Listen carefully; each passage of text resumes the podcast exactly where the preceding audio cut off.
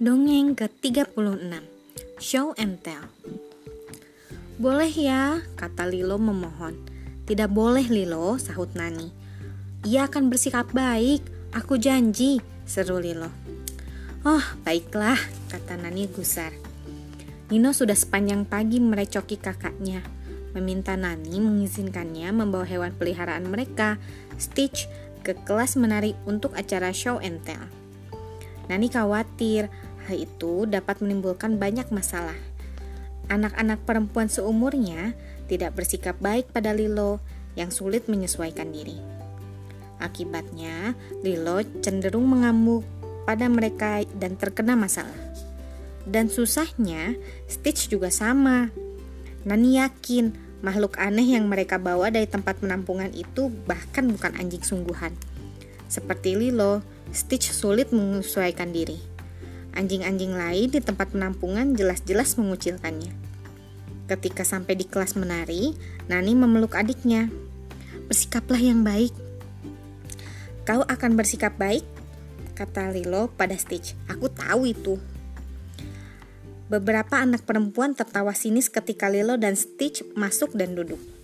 Baiklah, kata guru menari. Apa yang kau bawa hari ini, Lilo? Lilo berdiri. Ini anjingku, namanya Stitch. Aku memperolehnya dari tempat penampungan. Ia jelek sekali, ejek Myrtle. Ayo Myrtle, jangan kasar begitu, tegur guru. Bisakah ia menangkap? Tanya Myrtle. Ia melemparkan balon air yang dibawanya untuk show and tell tepat ke arah Stitch. Stitch menangkap balon itu dengan sigap, kemudian melemparkan kembali pada Myrtle.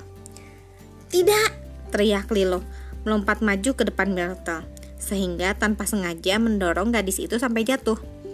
Balon air mengenali Lilo dan pecah, air muncrat ke mana-mana. Oh Lilo, kata guru, kurasa sudah waktunya hewan peliharaanmu pulang. Lilo menarik Stitch dan lari keluar. Lilo duduk di trotoar, Stitch ikut duduk. Kau membuat kita kena masalah hari ini, kata Lilo padanya. Kenapa kau melempar Myrtle dengan balon air itu? Stitch menggeram. Oh benar juga, ujar Lilo. Kau tidak mau menangkap, bagaimana aku bisa lupa? Ia merenung. Bagaimana kalau kita main tangkap-tangkapan saja? Itu hampir sama dengan menangkap, tapi ada perbedaan yang penting. Menangkap adalah sesuatu yang kita mainkan bersama hewan peliharaan dan tangkap-tangkapan adalah sesuatu yang kita mainkan bersama teman.